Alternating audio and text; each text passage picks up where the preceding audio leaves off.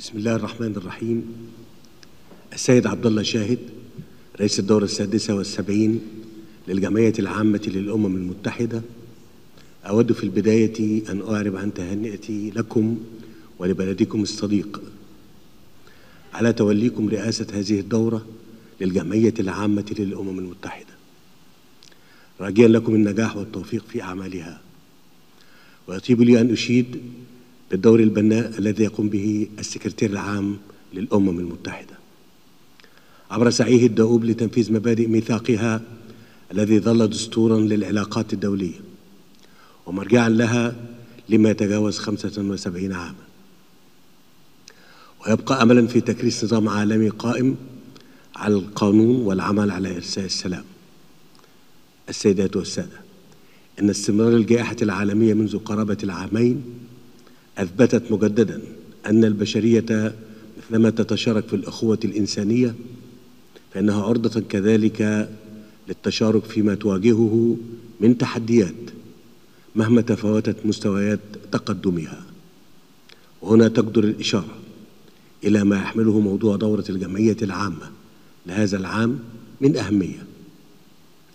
إذ لخص ما نحن بحاجة إليه في عالم اليوم. من صمود في مواجهة وباء كوفيد 19 وأمل في التعافي منه.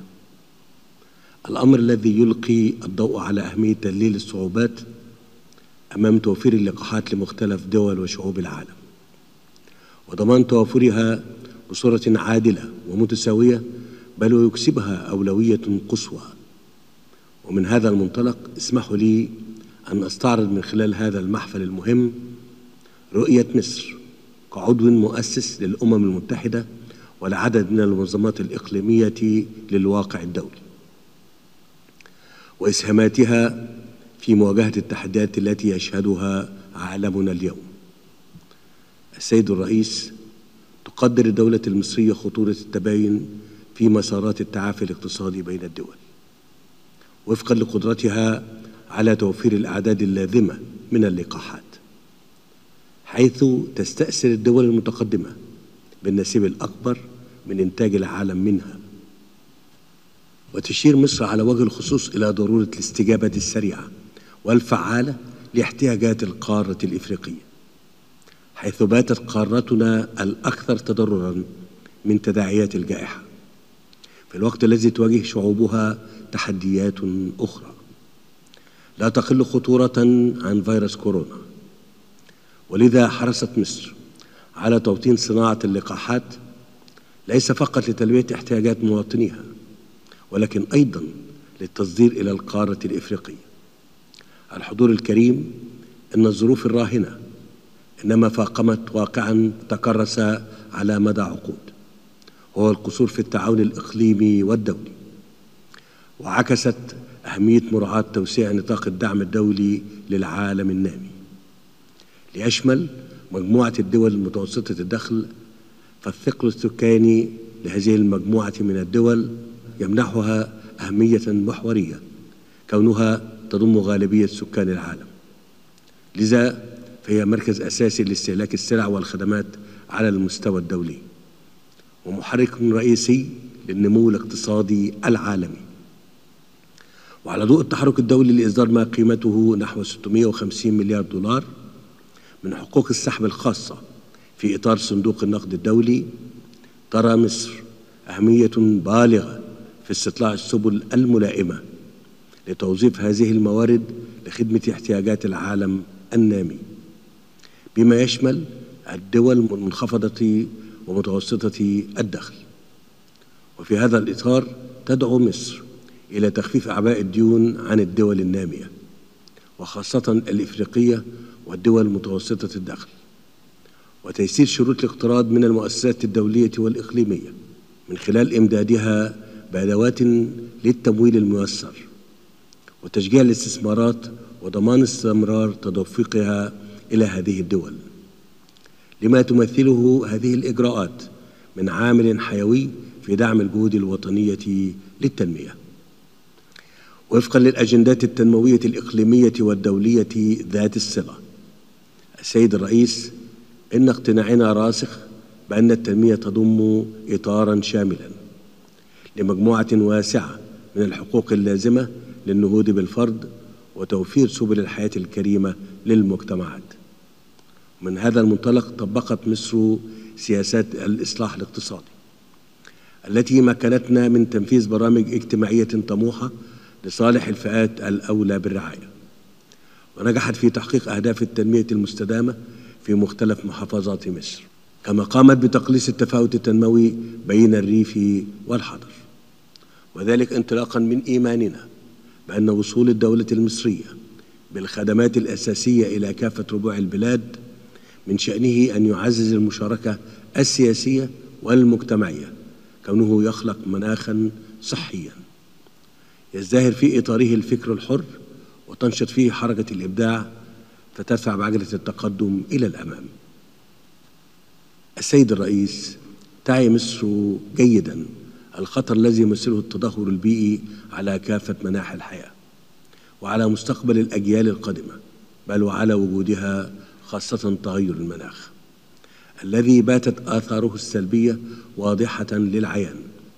فلقد شهدنا على مدار الفترة الماضية العديد من الظواهر المناخية القاسية في كثير من دول العالم من فيضانات وأمطار غزيرة إلى الارتفاعات غير المسبوقة في درجات الحرارة وحرائق الغابات. صاحبتها تداعيات إنسانية واقتصادية واجتماعية. باتت تمثل أعباء إضافية على كاهل الدول والحكومات لتحقيق الرفاهة لشعوبها. ومن منطلق مسؤولياتنا الأخلاقية المشتركة تجاه الأجيال القادمة مع أهداف رؤيتنا الوطنية والتزاماتنا الدولية تبذل مصر قصارى جهدها لتعزيز التنسيق أزاء قضايا المناخ. تفاديا للوصول إلى لحظة قد تصعب فيها العودة إلى الأوضاع المناخية الطبيعية. بعدما يكون تغير المناخ قد بلغ مداه وبات ظاهرة عصية على المعالجة. وعلى ضوء الدور المصري النشط في مفاوضات تغير المناخ فإننا نتطلع إلى استضافة الدورة السابعة والعشرين لمؤتمر أطراف اتفاقية الأمم المتحدة الإطارية لتغير المناخ عام 2022 السيد الرئيس يظل الإرهاب كذلك من أكبر التحديات التي تواجه الأسرة الإنسانية في عصرنا الحالي حيث تنتهك هذه الظاهرة الحقوق الأساسية للمواطنين وفي مقدمتها الحق في الحياة. وتعيق جهود الحكومات نحو بلوغ الأهداف الاقتصادية والاجتماعية والثقافية لشعوبها. لذلك تشدد مصر على أنه لا يمكن القضاء على الإرهاب إلا من خلال مواجهة الفكر التكفيري والمتطرف المتسبب في تلك الظاهرة البغيضة وذلك في إطار مقاربة شاملة لا تقتصر فقط على المواجهة الأمنية للإرهابيين وتنظيماتهم بل تشمل أيضا أبعادا اقتصادية واجتماعية وتنموية وفكرية. تجافف منابع الإرهاب وتعالج الظروف والعوامل التي تدفع البعض إلى هذا الطريق الإجرامي. وهي مقاربة كما تتطلب جهدا وطنيا فإنها تستلزم تعاونا دوليا.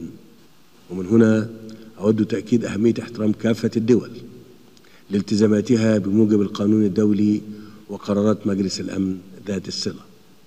ونشدد في هذا الصدد على أهمية محاسبة الدول التي ترعى الإرهاب وتحتضن عناصره بمن في ذلك المقاتلون الإرهابيون الأجانب وتوفير لهم الملاذ والدعم أو تسهل انتقالهم عبر أراضيها بما يهدد السلم والأمن الدوليين. السيدات والسادة إن مصر تحرص على تعزيز حقوق الإنسان لمواطنيها وتبذل لتحقيق هذه الغاية جهودا حثيثة في إطار من احترام مبادئ المواطنة وسيادة القانون. وتدرك الدولة المصرية تماما أن الإنسان المصري يأتي في القلب من منظومة التنمية الشاملة التي تحرص على تنفيذها إعلاء لكرامته وضمانا لحقوقه وحرياته. ولقد عكست منظومة حقوق الإنسان مؤخرا في مصر. تطورا جليا. اتصالا بما يتضمنه الدستور المصري وتعديلاته من مواد تضمن الحقوق والحريات العامة. وما لذلك من انعكاسات على تحديث التشريعات ذات الصلة. ولعل الاستراتيجية الوطنية لحقوق الإنسان التي أطلقتها مصر منذ أيام. بناء على تشاور مجتمعي وبمساهمة المجتمع المدني. هي خير دليل على المقترب الشامل والبناء الذي تنتجه بلادي إذاء موضوعات وقضايا حقوق الإنسان. السيد الرئيس لقد جاء انتخاب مصر لرئاسة الدورة الحالية الخامسة عشر للجنة الأمم المتحدة لبناء السلام ليكلل مسيرة متواصلة من الإسهام المصري الفاعل لتعزيز وتفعيل هيكل الأمم المتحدة لبناء السلام منذ إنشائه عام 2005 كما يجسد ثقة المجتمع الدولي في قدرة مصر على قيادة الجهود الأممية في هذا الشأن على ضوء إحرازها المرتبة السابعة بين الدول المساهمة بقوات عسكرية وشرطية رجالا ونساء في عمليات حفظ السلام الأممية. السيد الرئيس لقد أكدت مصر مرارا أنه لا سبيل لاستقرار الشرق الأوسط دون التوصل إلى حل عادل ودائم وشامل للقضية الفلسطينية التي كانت وما زالت القضية المركزية للأمة العربية وذلك عبر التفاوض استنادا إلى مقررات الشرعية الدولية لإقامة الدولة الفلسطينية على حدود الرابع من يونيو 1967 وعاصمتها القدس الشرقية. ومن هذا المنطلق تؤكد مصر أهمية تثبيت وقف إطلاق النار الذي تم التوصل إليه في 20 مايو 2021 كما تدعو مصر المجتمع الدولي لاتخاذ الإجراءات اللازمة لتحسين الأوضاع المعيشية للشعب الفلسطيني. وإيصال المساعدات الإنسانية إليه وحث الأطراف المانحة على دعم وكالة الأونروا. تمهيدا للقيام بعملية إعادة الإعمار في قطاع غزة. أخذا في الاعتبار ما أعلنته مصر من تخصيص 500 مليون دولار لإعادة الإعمار. إن منطقة الشرق الأوسط كما تتسم بموقع استراتيجي فريد فإنها تحتل أيضا موقعا متقدما على قائمة مناطق العالم الأكثر اضطرابا. مما يضيف إلى التحديات العالمية المشتركة التي تواجهها دول المنطقة تحديات أخرى ذات خصوصية بدولها إثبات مفهوم الدولة الوطنية القوية المتماسكة مهددا بعوامل اضطراب متعددة يكمن جوهرها في الانقسام والتشرذم بأنواعه المختلفة سواء كان طائفيا أو سياسيا أو عرقيا. مما يجعل دولا غنية بمواردها الطبيعية وتاريخها وحضارتها العريقة كالعراق الشقيق. أو بثقافتها وتنوعها الديني والعرقي كلبنان وسوريا. أو بمواردها وثرواتها وموقعها المتميز كليبيا. أو بموقعها الاستراتيجي كاليمن تعاني كل هذا الكم من التحديات الضخمة. هو ما يؤكد أنه لا غنى عن إعلاء مفهوم الدولة الوطنية الجامع الذي لا يفرق بين أبناء الوطن الواحد ويحول دون التدخل في الشؤون العربية. السيد الرئيس السيدات والسادة إن مصر ترتبط ارتباطا وثيقا بواقعها الإفريقي الذي تعتز به كثيرا والذي لا يرتبط فقط بموقعها الجغرافي ولكنه يتصل عضويا بوجودها ويهمني في هذا المقام. إيضاح أن تحقيق التعاون بين دول القارة لن يتأتى من خلال تحديد طرف واحد لمتطلبات طرف آخر. وإنما يتعين أن تكون تلك العملية متبادلة. فمصر التي تعترف بحقوق أشقائها التنموية تعد من أكثر الدول جفافا ويظل شعبها تحت حد الفقر المائي ويشكل نهر النيل شريان وجودها الوحيد عبر التاريخ. هو مفسر القلق العارم الذي يعتري المواطن المصري إزاء سد النهضة الأثيوبي. ولعلكم تعلمون جميعا ما آلت إليه المفاوضات الدائرة منذ عقد من الزمن بين مصر وإثيوبيا والسودان جراء تعنت معلوم ورفض غير مبرر للتعاطي بإيجابية مع العملية التفاوضية في مراحلها المتعاقبة. واختيار للمنهج الأحادي وسياسة فرض الأمر الواقع. مما بات ينزل بتهديد واسع لأمن واستقرار المنطقة بأكملها. وتداركا لعدم تدور الأمر. إلى تهديد للسلم والأمن الدوليين. لجأت مصر لمجلس الأمن للاطلاع بمسؤوليته في هذا الملف. ودعم وتعزيز جهود الوساطة الإفريقية عن طريق دور فاعل للمراقبين من الأمم المتحدة والدول الصديقة. ولا تزال مصر تتمسك بالتوصل في أسرع وقت ممكن لاتفاق شامل متوازن وملزم قانونا حول ملء وتشغيل سد النهضة الأثيوبي. حفاظا على وجود 150 مليون مواطن مصري وسوداني وتلافيا لإلحاق أضرار جسيمة بمقدرات شعبي البلدين. مساندين في ذلك ليس فقط إلى قيم الإنصاف والمنطق ولكن أيضا إلى أرضية قانونية دولية صلبة. رسخت لمبدأ الاستخدام العادل والمنصف للموارد المائية المشتركة في أحواض الأنهار الدولية. السيد رئيس الجمعية العامة الحضور الكريم. قبل أن أختتم حديثي إليكم أود أن أشير بشكل خاص إلى ما يسير العمل متعدد الأطراف من أهمية بالغة تتضاعف مع مرور الزمن.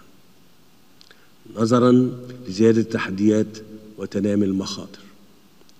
ونشوء مصاعب مستجدة على عالمنا. فيظل العمل متعدد الأطراف وسيلة للنجاة من احتدام المواجهات وتصاعد الخلافات.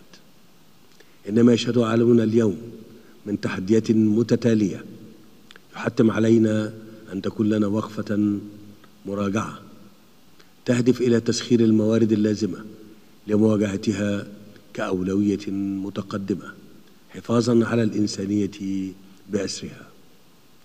هذا نداء توجهه مصر إلى أشقائها في الإنسانية. دعونا نتكاتف لننقذ أنفسنا قبل فوات الأوان. معتمدين في تحقيق هدفنا على قوة المنطق لا على منطق القوة.